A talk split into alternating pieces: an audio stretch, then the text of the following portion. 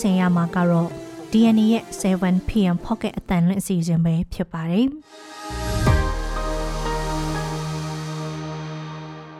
ဒီကနေ့ဇန်နဝါရီလ16ရက်နေ့ရဲ့ Pocket အတန်လွင့်အစီအစဉ်မှာတော့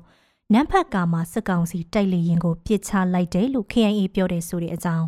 ဒီတိမ်မြို့နယ်တိုင်းငင်းစခန်းသိမ်းတိုက်ပွဲမှာစစ်ကောင်စီတပ်ဖွဲ့ဝင်အားလုံးတေဆုံးနေဆိုတဲ့အကြောင်းစစ်တွေလေးစိတ်ဝင်နေပောက်ကွဲမှုဖြစ်လို့ တေဆုံးထိခိုက်မှုရှိတယ်ဆိုတဲ့အကြောင်းကြိုက်မရောအကျဉ်းထောင်မှာရပ်ပိုင်းအတွင်းနိုင်ကျင်းနှစ်ဦးတေဆုံးနေဆိုတဲ့အကြောင်း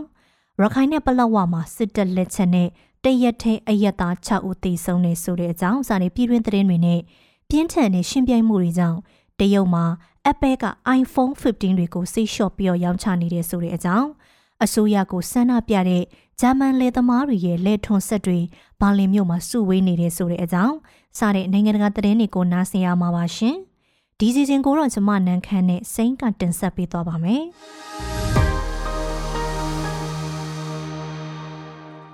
ပထမဆုံးသတင်းတပုတ်အနေနဲ့နတ်ဖတ်ကာမှာစစ်ကောင်စီတိုက်လီရင်ကိုပြစ်ချလိုက်တယ်လို့ KIA ပြောဆိုလိုက်တဲ့သတင်းကိုပြောပြပေးပါမယ်။ရှမ်းပြည်နယ်မြောက်ပိုင်းကုတ်ခိုင်မြို့နယ်တဲကနတ်ဖတ်ကာဒေသမှာ စစ်ကောင်စီရဲ့ Jet Fighter တိုက်လေယာဉ်တစ်စီးကိုဒီကနေ့နေ့လယ်ပိုင်းမှာပြစ်ချလိုက်နိုင်တယ်လို့ကချင်လွတ်မြောက်ရေးတပ်မတော် KIA ဘက်ကအတည်ပြုပြောဆိုလိုက်ပါတယ်။စစ်ကောင်စီရဲ့ Jet Fighter တစ်စီးကိုဒီကနေ့နေ့လယ်12နာရီဝန်းကျင်မှာပြစ်ချလိုက်တာလို့ KIO KIA သတင်းနဲ့ပြန်ကြားရေးတာဝန်ခံဗိုလ်မှူးကြီးနော်ဘူးကကချင်မီဒီယာတစ်ခုဖြစ်တဲ့ကချင် News Group ကိုအတည်ပြုပြောထားပါတယ်။နတ်ဖတ်ကရွာဟာစစ်ကောင်စီရဲ့ခလာရ123တရင်အခြေဆိုင် ဒေသတစ်ခုဖြစ်ပြီးရှမ်းမြောက်မှာ10-20ခွန်စစ်စင်ရေးစတင်ခြင်းကလေးကအဲ့ဒီအနီးတစ်ဝိုက်မှာလဲတိုက်ပွဲတွေပြင်းထန်နေတာပါလက်တလောရပိုင်းအတွင်းမှာတော့ KIA ကအဲ့ဒီတက်ဆက်ခန်းကိုထိုးစစ်ဆင်တိုက်ခိုက်နေတယ်လို့အတည်ပြုထားပြီးဇန်နဝါရီ14ရက်ညပိုင်းကတော့စခန်းကိုသိမ်းပိုက်နိုင်ပြီလို့ KIA စစ်ရေးသတင်းရင်းမြစ်တွေကိုကိုးကားထားတဲ့သတင်းတချို့မှာဖော်ပြပါဗျ။ဒီကနေ့တိုက်လင်းတစည်းပစ်ချခံလိုက်ရချိန်မှာမြေပြင်တိုက်ပွဲတွေဆက်ဖြစ်နေတာရှိမရှိနဲ့ ပြစ်ချခံရတဲ့လေရင်အမျိုးအစားစတဲ့အသေးစိတ်အခြေအနေတွေကိုတော့မသိရသေးပါဘူး။အခုလိုစစ်ကောင်စီရဲ့တိုက်ခိုက်ရေးလေရင်ကိုပြစ်ချနိုင်ခဲ့တာကြောင့် KIA တပ်ဖွဲ့ဟာလောက်ဝက်အတွင်းစစ်ကောင်စီရဲ့တိုက်ခိုက်ရေးလေရင်တစည်းနဲ့ MI-17 ရဟတ်ယာဉ်တစည်းတို့ကိုပြစ်ချနိုင်ခဲ့တာဖြစ်ပါတယ်။အခုလာဇန်ပိုင်းဇန်နဝါရီ3ရက်ကလည်း KIA ဌာနချုပ်ရှိရာလိုင်ဇာမြို့အနီးကစစ်ကောင်စီနားဖော့စခန်းကိုရိတ်ခါလာပို့တဲ့ MI-17 ရဟတ်ယာဉ်တစည်းကို KIA ကပဲပြစ်ချနိုင်ခဲ့တာကြောင့်ရဟတ်ရင်ပြက်ကျခဲ့ပြီးလိုက်ပါလာတဲ့စစ်ကောင်စီတပ်ဖွဲ့ဝင်၈ဦးတေဆုံးခဲ့ပါသေးတယ်။အလားတူ KIA တပ်ဖွဲ့ဟာ2021ခုနှစ်မေလအတွင်းကလည်းကချင်ပြည်နယ်မိုးမောက်မြို့နယ်ထဲမှာစစ်ကောင်စီရဲ့တိုက်ခိုက်ရေးရဟတ်ရင် MI35 တစည်းကိုပြစ်ချနိုင်ခဲ့ပါသေးတယ်။ဆက်လက်ပြီးပြောပြချင်တဲ့အကြောင်းကတော့ဒီတိမ်မြို့နယ်တိုင်းငင်းစခန်းသိမ်းတိုက်ပွဲမှာစစ်ကောင်စီတပ်ဖွဲ့ဝင်အလုံးတေဆုံးနေဆိုတဲ့အကြောင်းပါ။ စကောင်စီတပ်ဖွဲ့ဝင်အင်အား30ဝန်းကျင်လောက်ရှိတဲ့တီးတိမ်မြို့နယ်တိုင်းငင်းရွာကစစ်စခန်းကိုတင်ပိုက်ခဲ့တဲ့တိုက်ပွဲမှာစကောင်စီတပ်ဖွဲ့ဝင်အလုံးတေဆုံးသွားခဲ့တယ်လို့ချင်းအမျိုးသားတပ်မတော် CNA ပြောရေးဆိုခွင့်ရှိသူဆလိုင်းထနီက DNA ကိုပြောပါရယ်စကောင်စီဖက်ကလီချောင်းလက်နက်ကြီးပစ်ကူတွေနဲ့ပါခုခံခဲ့တာကြောင့်ပြင်းထန်ခဲ့တဲ့အဲ့ဒီတိုက်ပွဲအတွင်းစကောင်စီတပ်သားအလုံးတေဆုံးပြီးတော့လက်နက်ခဲယံအလုံးလည်းတင်စီရမိခဲ့တယ်လို့ တော်လိုင်းရေးအင်အားစုတွေဖက်က၈ဦးကြဆုံးပြီး10ဦးကျော်တန်းရရရှိခဲ့တယ်လို့သူကပြောပါတယ်။ချင်းတော်လိုင်းရေးပူပေါင်းတပ်တွေဟာအဲ့ဒီစခန်းကိုဇန်နဝါရီလ12ရက်မှာစတင်ထိုးစစ်ဆင်ပြီး9ရက်အကြာဒီကနေ့မနက်ပိုင်းမှာတင်ပိုင်နိုင်ခဲ့တာလို့သိရပါတယ်။စကောင်စီရဲ့ချင်းမြန်တက်ရင်ခမာယာ269လက်အောက်ခံတပ်ဖွဲ့ဝင်တွေတက်ဆွဲစခန်းချထားတဲ့တိုင်းငင်းရွာစခန်းဟာစကိုင်းတိုင်းကလေးမြို့နဲ့မိုင်20ကျော်အကွာမှာရှိပြီးတော့ စကိုင်းတိုင်းနဲ့ချင်းပြည်နယ်ဆက်သွယ်ရေးလမ်းကြောင်းပေါ်ကအရေးပါတဲ့နေရာမှာရှိနေတာပါ။စကိုင်းတိုင်းကလေးမျိုးကနေချင်းတောင်တန်းဒေသတွေစီတက်လာမယ်ဆိုရင်တိုင်းငင်းရွာကိုဖျက်ဆီးပြီးမှမြောက်ဖက်မှာတီတိန်တွန်းဆန်တောင်ဖက်မှာဖလန်ဟာခါထန်တလန်စတဲ့မြို့တွေစီဆက်သွားနိုင်မှာဖြစ်ပြီးတိုင်းငင်းရွာဟာအရေးပါတဲ့လမ်းဆောင်လမ်းခွတစ်ခုဖြစ်ပါတယ်။အဲ့ဒီလိုစီရေးပြူဟာအရာရောလက်ပံဆက်သွယ်ရေးအရာရောအရေးပါတာကြောင့်ချင်းပူပေါင်းတက်တွေက တိုင်းငင်းရွာစခန်းကိုအရင်ကလည်းထိုးစစ်ဆင်ခဲ့ကြဖူးပြီးအခုစခန်းသိမ်းတိုက်ပွဲဟာ၅ချိန်မြောက်ထိုးစစ်ဆင်တာဖြစ်ပါတယ်။ချင်းအမျိုးသားတက်မတော် CNA ပြောရေးဆိုခွင့်ရှိသူဆလိုက်ထက်နီကတော့တိုင်းငင်းရွာဟာအိန္ဒိယမြန်မာကုန်းသွဲရေးအတွက်အချက်အခြားကျတဲ့လမ်းပေါ်မှာရှိနေတာချင်းပြည်နယ်မြောက်ပိုင်းအတွက်ပြူဟာကြတာနဲ့စက်ကောင်စီစက်ခန်းရှိနေတာကြောင့်ဒေတာခန်တွေတွာလာရေးခက်ခဲနေတာစတဲ့အခြေအနေတွေကြောင့်တိုက်ခိုက်သိမ်းပိုက်ခဲ့တာလို့ရှင်းပြပါဗျ။ ဆက်လက်ပြီးစစ်တွေလေးစိတ်ဝန်းနဲ့ပောက်ကွဲမှုဖြစ်လို့တေဆုံးထိခိုက်မှုရှိတယ်ဆိုတဲ့သတင်းကိုပြောပြပေးပါမယ်။ရခိုင်ပြည်နယ်စစ်တွေမြို့လေးစိတ်ဝန်းထဲမှာမနေ့ညနေပိုင်းကပောက်ကွဲမှုတစ်ခုဖြစ်ပြီးလေးစိတ်လုံခြုံရေးယူနေတဲ့စစ်ကောင်စီတပ်သားတချို့တေဆုံးဒဏ်ရာရသွားတယ်လို့အနီးဝန်းကျင်ဒေသခံတွေက DNA ကိုပြောပါရယ်။ကျဲလောင်တဲ့ပောက်ကွဲတံတစ်ချက်ကြားလိုက်ရပြီးတဲ့နောက်စစ်တွေလေးစိတ်ထဲကိုလူနာတင်ရင်တွေဝင်သွားတာတွေ့ရတယ်လို့လေးစိတ်အနီးမှာနေထိုင်တဲ့မြို့ကန်တအူးကပြောပါရယ်။ ဒါပေမဲ့ပောက်ကွဲမှုဘာကြောင့်ဖြစ်တယ်ဆိုတာကိုတော့ဒေသခံအရက်သားတွေတိတိကျကျမသိကြပါဘူး။သတင်းတချို့မှာတော့ရခိုင်တပ်တော် AA ကဒရုန်းနဲ့ဘုံချတိုက်ခိုက်တယ်ဆိုပြီးဖော်ပြကြတာရှိပေမဲ့ DNA အနေနဲ့တီးခြားအတည်မပြုနိုင်သေးပါဘူး။စစ်ကောင်စီဘက်ကဒီကနေ့နေ့လယ်ပိုင်းအထိတစုံတရာထုတ်ပြန်ပြောဆိုမှုမရှိသေးတဲ့အဲ့ဒီပောက်ကွဲမှုအတွင်းစစ်ကောင်စီတပ်ဖွဲ့ဝင်9ဦးထပ်မံတေဆုံးနိုင်ပြီးဒဏ်ရာရသူတွေလည်းရှိနိုင်တယ်လို့စစ်တွေမြို့ကန်တွေကပြောကြပါဗျ။ ဒီကနေ့မနက်ပိုင်းမှာတော့လေးစိတ်ဝန်းကျင်တဝိုက်ကိုစစ်ကောင်စီတပ်နဲ့ရဲတွေကစစ်ဆေးမှုတွေလုပ်နေကြတယ်လို့ဒေသခံတွေကပြောကြပါဗျ။ရခိုင်ဒေသတိုက်ပွဲတွေစပြီးနောက်ပိုင်းစစ်တွေလေးစိတ်မှာစစ်ကောင်စီတပ်ရဲ့ထောက်ပို့လေရင်ဝိုင်တွင်းနဲ့ထောက်ပို့ရဟတ်ရင်တချို့ဆင်းသက်တာတွေရှိနေပြီးလေးစိတ်ဝန်းအတွင်စစ်ကောင်စီတပ်သားတွေလည်းချထားတာရှိတယ်လို့ဒေသခံတွေကပြောကြပါဗျ။အခုနောက်ပိုင်းစစ်ကောင်စီတပ်ဟာဝိုင်းတွဲလိုထောက်ပို့လေရင်တွေကိုစစ်မြေပြင်နဲ့လူနေကျေးရွာတွေမှာဘုံ ကျဲတိုက်ခိုက်ဖို့အသုံးပြုနေတာပါ။ပြီးခဲ့တဲ့ဇန်နဝါရီ14ရက်ညပိုင်းကလည်းစစ်တွေမျိုးအဝင်မှာရှိတဲ့ဒေသကုတ်ကဲမှုစစ်ဌာနချုပ်ဓာကဆဝင်းအတွင်းနဲ့မြို့အနီးရွှေမင်းကန်ရေတက်စခန်းတို့ဘက်ကနေပြစ်ခတ်တံတွေကြားခဲ့ရတယ်လို့ဒေသခံတွေကပြောထားကြပါတယ်။ရခိုင်တပ်တော် AA ကလည်းဒီဖြစ်စဉ်နဲ့ပတ်သက်ပြီးတစုံတရာထုတ်ပြန်ထားတာမရှိသေးပါဘူး။ကလရန်မြစ်နဲ့ဘင်္ဂလားပင်လယ်ရုဆုံရာမြစ်ကမ်းပေါ်တည်ရှိတဲ့စစ်တွေမြို့မှာပြည်내အစိုးရအဖွဲ့ရုံးဆိုင်ပြီး စစ်ကောင်စီပြည်내အစိုးရအဖွဲ့ဝင်တွေလည်းနေထိုင်ကြပါတယ်။ဆက်လက်ပြီးပြောပြချင်တာကတော့ကြိုက်မရောအကျန်းထောင်မှာရပိုင်းအတွင်းနိုင်ခြင်းနှစ်ဦးသေဆုံးနေဆိုတဲ့အကြောင်းပါမွန်ပြည်နယ်ကြိုင်မရောပဟိုအကျဉ်းထောင်မှာမနေ့ညကနိုင်ငံရေးအကျဉ်းသားတဦးရုတ်တရက်နေမကောင်းဖြစ်ပြီးတော့သေဆုံးသွားခဲ့ပါတယ်။ဒါဟာအဲ့ဒီထောင်တွင်းမှာလေးရက်အတွင်းဒုတိယမြောက်နိုင်ငံရေးအကျဉ်းသားတဦးသေဆုံးမှုဖြစ်ပါတယ်။ မနေ့ကသေဆုံးသွားသူဟာအသက်30ဝန်းကျင်စီရီယမ်မီသက်တပ်ဖွဲ့ဝင်ကိုပြည့်ဖြိုအောင်ဖြစ်ပြီးအကြမ်းဖက်ပုံမှန်52ကကြီးနဲ့ပြီးခဲ့တဲ့2022ခုနှစ်ဖေဖော်ဝါရီလအတွင်းမှာဖအံမြို့နယ်တရားရုံးကနေထောင်ဒဏ်9နှစ်ချမှတ်ခံခဲ့ရသူဖြစ်ပါတယ်။စိတ်မရောပဟုအကျဉ်းထောင်မှာပြီးခဲ့တဲ့ဇန်နဝါရီလ12ရက်ကလည်းစေဝါကုသခွင့်အလုံးအလောက်မရတာကြောင့်အသက်43နှစ်အရွယ်နိုင်ငံရေးအကျဉ်းသားကိုရရှင်ခေါ် ကိုဟာရှင်ဟာတည်ဆုံးခဲ့တယ်လို့မြန်မာနိုင်ငံလုံးဆိုင်ရာနိုင်ငံရေးအကျဉ်းသားများကွန်ရက် PPNM ကထုတ်ပြန်ထားပါတယ်။ပြီးခဲ့တဲ့2022ခုနှစ်မေလအတွင်းမှာဖအန်ထောင်ကနေကြိုက်မရောထောင်ကိုပြောင်းရွှေ့ခံခဲ့ရတဲ့ကိုပြည့်ဖြိုးအောင်ဟာအရင်ကတော့ကျမရေးကောင်းမွန်သူတဦးဖြစ်တယ်လို့သိရပါဗျ။ နိုင်ငံတော်ဝန်အကျဉ်းထောင်တွေမှာစကောင်ကြီးက2023ခုနှစ်အောက်တိုဘာလနောက်ဆုံးပတ်ကနေစတင်ပြီးတော့ထောင်ဝင်စာတွေ့ခွင့်ပြန်လည်ခွင့်ပြုပေးထားပေမဲ့ထောင်တွင်းကျမ်းမာရေးစောင့်ရှောက်မှုအလုံးအလောက်မရရှိသေးဘူးလို့နိုင်ငံရေးအကျဉ်းသားဟောင်းတွေကပြောကြပါဗျ။နိုင်ငံတော်ဝန်အကျဉ်းထောင်တွေမှာစေဝါကုသမှုအလုံးအလောက်မပေးတာကြောင့်ပြီးခဲ့တဲ့2023ခုနှစ် တနှစ်အတွင်းမှာပဲနိုင်ငံရေးအကျဉ်းသား18ဦးအထိအသက်သေဆုံးခဲ့တယ်လို့မြန်မာနိုင်ငံလုံးဆိုင်ရာနိုင်ငံရေးအကျဉ်းသားများကွန်ရက်ရဲ့အချက်အလက်တွေအရသိရပါဗျ။နောက်ဆုံးသတင်းတစ်ပုဒ်အနေနဲ့ရခိုင်နဲ့ပလက်ဝမှာစစ်တပ်လက်ချက်နဲ့တရက်တည်းအရက်သား6ဦးသေဆုံးတယ်ဆိုတဲ့သတင်းကိုပြောပြပါမယ်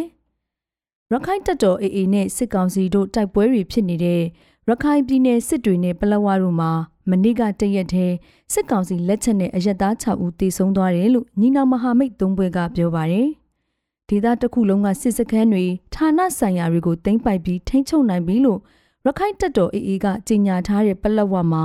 စစ်ကောင်စီကမနေ့ကနေ့လယ်ပိုင်းမှာဂျက်ဖိုက်တာနဲ့လေကြောင်းကဘုံကျဲတိုက်ခိုက်တာကြောင့်အသက်9နှစ်အရွယ်စစ်ဆောင်ကလေးငယ်တဦးအပါအဝင်3ဦးသေဆုံးသွားတယ်လို့ဆိုပါတယ်။ စစ်ကောင်စီကပလက်ဝမြို့နယ်ပတ်ဝန်းကျင်ဒေသတွေကိုဘုံကျဲတိုက်ခိုက်ရာမှာ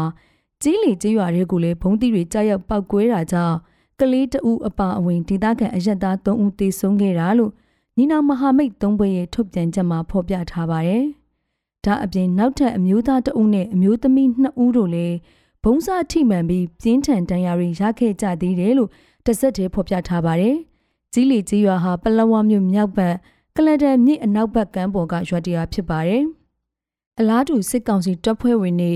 မနေ့ကစစ်ကြောင်းထိုးဝင်ရောက်ကနေအိမ်တွေကိုမီးရှို့ခဲ့တဲ့စစ်တွေမြို့နယ်တောကန်ကျေးရွာမှာလဲရွာကန်အမျိုးသားတအုပ်နဲ့အမျိုးသမီးတအုပ်ကိုစစ်ကောင်စီတပ်ဖွဲ့ဝင်တွေကပြစ်ခတ်တပ်ဖြတ်သွားတယ်လို့ထုတ်ပြန်ချက်မှာဖော်ပြထားပါတယ်။စစ်တွေမြို့နယ်9မိုင်လောက်အကွာမှာတည်ရှိတဲ့တောကန်ရွာတွေကိုစစ်ကောင်စီတပ်သားတွေကမနေ့ကမနက်ပိုင်းမှာဝင်ရောက်မိရှို့ခဲ့တာဖြစ်ပြီး လေးဖြတ်ထားတဲ့အသက်80ကျော်အရွယ်တက်ကြီးအမျိုးသားတအုပ်နဲ့အမျိုးသမီးတဦးတို့ပြစ်ခတ်တပ်ဖြတ်ခံရတာလို့ဆိုပါတယ်။စစ်ကောင်စီဟာတောကန်ရွာကိုတလနီးပါအတွင်းဒုတိယအကြိမ်မြောက်မိရှို့ခဲ့တာဖြစ်ပြီးအင်ဂျင်80လောက်မီးလောင်ပျက်စီးသွားတယ်လို့ညီနောင်သုံးဘက်ထုတ်ပြန်ချက်မှာဖော်ပြပါဗျ။အလားတူတောင်ကုန်းမြို့နယ်မှာလည်းစစ်ကောင်စီတပ်ဖွဲ့ဝင်တွေကဒီဇင်ဘာ22ရက်နေ့ကလေးကဖမ်းဆီးခေါ်ဆောင်သွားခဲ့တဲ့ခူးတိုက်နယ်တပြော့ကျေးရွာဒေသခံ၃ဦးအနက် အသက်16နှစ်အရွယ်အမျိုးသားတဦးဟာမနေ့ကမနက်ပိုင်းမှာစစ်ကောင်စီတပ်သားတွေလက်ချက်နဲ့တေဆုံးသွားတယ်လို့ညီနာမဟာမိတ်သုံးဘွဲထုတ်ပြန်ချက်မှာဆက်လက်ဖော်ပြထားပါတယ်။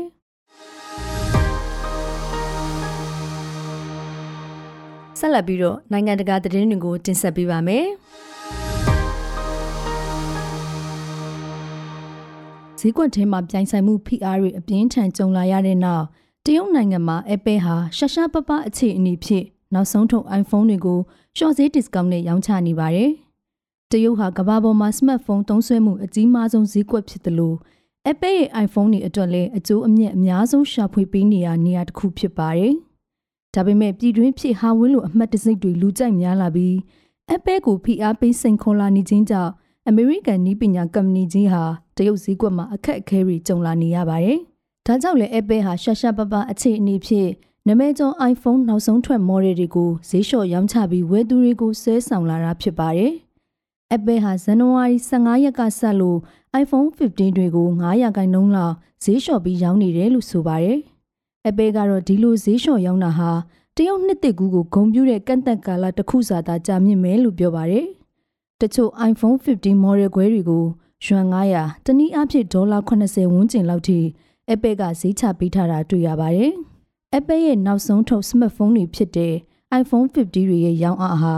အရင်မျိုးဆက် iPhone တွေနဲ့ရှင်ရင်တရုတ်မှာတိတိတတ်တာထူးခြားသွားခဲ့ပါတယ်။ Huawei နဲ့ Xiaomi တို့က iPhone ကိုစိန်ခေါ်မဲ့ model မျိုးတွေအပြိုင်ထုတ်လုပ်နေတယ်လို့တရုတ်အစိုးရကလည်းဌာနဆိုင်ရာဝန်ထမ်းတွေကို Apple ထုတ်ကုန်တွေအသုံးပြုခွင့်ကတ်သက်ပိတ်ပင်တဲ့မူဝါဒမျိုးကျင့်သုံးလာခြင်းက Apple ကိုအထိနာစေပါတယ်။ American မှာအစိုးရဝန်ထမ်းတွေကို လုံခြုံရေးအကြောင်းပြချက်နဲ့တရုတ် app တွေအသုံးမပြုဖို့တားမြစ်ထားတဲ့လုပ်ရက်ကိုတရုတ်ဘက်ကတုံ့ပြန်ခဲ့တာပါ။မနစ်ကနဲ့ရှေ့ရ2024ခုနှစ်ပထမဆုံးသတင်းပတ်မှာတရုတ်ဈေးကွက်တဲ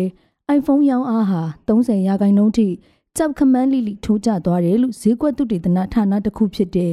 Jeffries Analysis ကဆိုပါတယ်။2023ခုနှစ်တစ်ခုလုံးမှာနှစ်အလိုက်နှိုင်းယှဉ်မှုအရရောင်းအား300ခိုင်နှုန်းကျရိပ်ပြခဲ့ပါတယ်။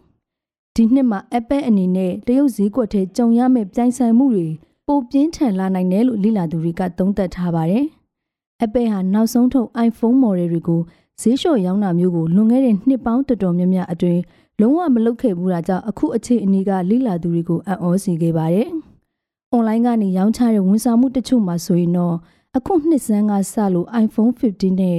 iPhone 15 Pro model တွေကို16ရာခိုင်နှုန်းထိဈေးလျှော့ထားတာမျိုးတွေ့လာရပါတယ်။ Apple ရဲ့ရုံးကန်နေရမှုတွေကတရုတ်ဈေးကွက်ထဲကိုဟာဝေးလိုပြည်တွင်းကုမ္ပဏီတွေအားကောင်းကောင်းနဲ့ပြန်လည်ချဲ့ထွင်လာနေတယ်ဆိုတာမြင်သာစေကြောင်းလေ့လာသူတွေကသုံးသပ်ကြပါတယ်။ Apple ကတော့တရုတ်ဈေးကွက်ထဲမှာ iPhone 50တွေကိုဈေးလျှော့ရောင်းနေတာနဲ့ပတ်သက်လို့ဘာမှချက်မှမပေးဘဲနှုတ်ဆက်နေပါတယ်။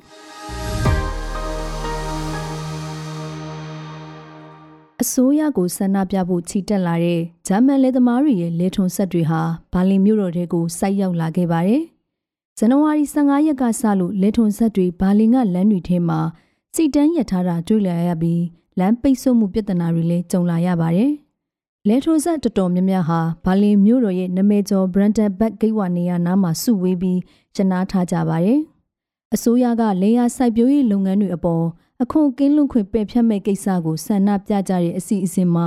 လက်သမားတထောင်ကျော်လောက်ပါဝင်ခဲ့ပြီးလက်ထွန်ဆက်တွေနဲ့လေယာလုပ်ငန်းခွင်သုံးထရက်ကားတွေ စုစုပေါင်းအစီး9000ဝန်းကျင်လောက်ယူဆောင်လာကြပါတယ်။ဘာလင်ကိုချီတက်လာတဲ့လက်သမားတွေဟာဂျာမနီနိုင်ငံအနှံ့အပြားကဖြစ်ပြီးဇန်နဝါရီ15ရက်မှာတော့ Brandon Beck ဂိတ်ဝါနာမှာလူစုမိကြတာဖြစ်ပါတယ်။အစိုးရရဲ့ဗန်နာရေးဝန်ကြီးခရစ်စတီယန်လစ်နာကဆန္ဒပြလယ်သမားတွေကိုတွစ်ဆုံခဲ့ပြီးသူ့အနေနဲ့အစိုးရရန်ပုံငွေတွေကနေလေယာလုပ်ငန်းထောက်ပံ့ရေးအတွက်ငွေကြေးတွေပုံမှုသုံးစွဲပါမယ်လို့ကတိမပြုနိုင်ပေမဲ့ လေယာလုပ်ငန်းခွင်လွတ်လပ်ခွင့်တွေနဲ့လေးစားခံထိုက်တဲ့အခွင့်အရေးတွေအတွက်တော့သူဟာလယ်သမားတွေနဲ့အတူပူးပေါင်းရက်တီတိုက်ပွဲဝင်သွားမယ်လို့ပြောခဲ့ပါတယ်။သူရဲ့ကတိစကားကိုလယ်သမားတွေထဲမှာမကျင်တဲ့သူတွေရှိပေမဲ့ဝန်ကြီးကိုအော်ဟစ်လှောင်ပြောင်တာမျိုးမလုပ်ကြဘူး။လက်သမားများအစည်းအရုံးအကြီးအကဲဂျိုအာချေရူဝီယက်က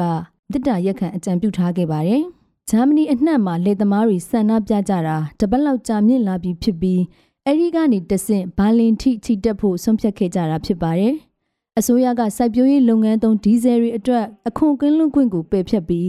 လက်သမားတွေအပေါ်အခွန်တွန်းမြင့်စည်းကျပ်ဖို့စီစဉ်ခဲ့ရာက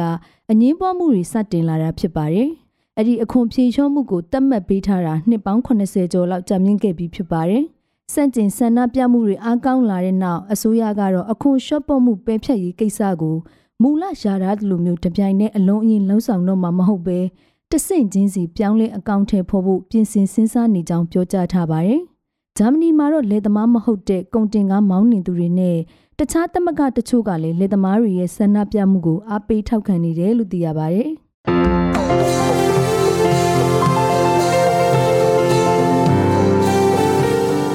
DNA ရဲ့ 7pm pocket အတန်လွင့်အစီအစဉ်ကိုအပတ်စဉ်တနင်္လာနေ့ကနေတောက်ကြနေ့အထိည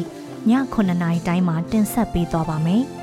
ဒီစီစဉ်ကို Anchor, Spotify တို့မှာနားဆင်နိုင်သလို DNA ရဲ့ YouTube Channel မှာလည်းဝင်ရောက်နားဆင်နိုင်ပါတယ်ရှင်။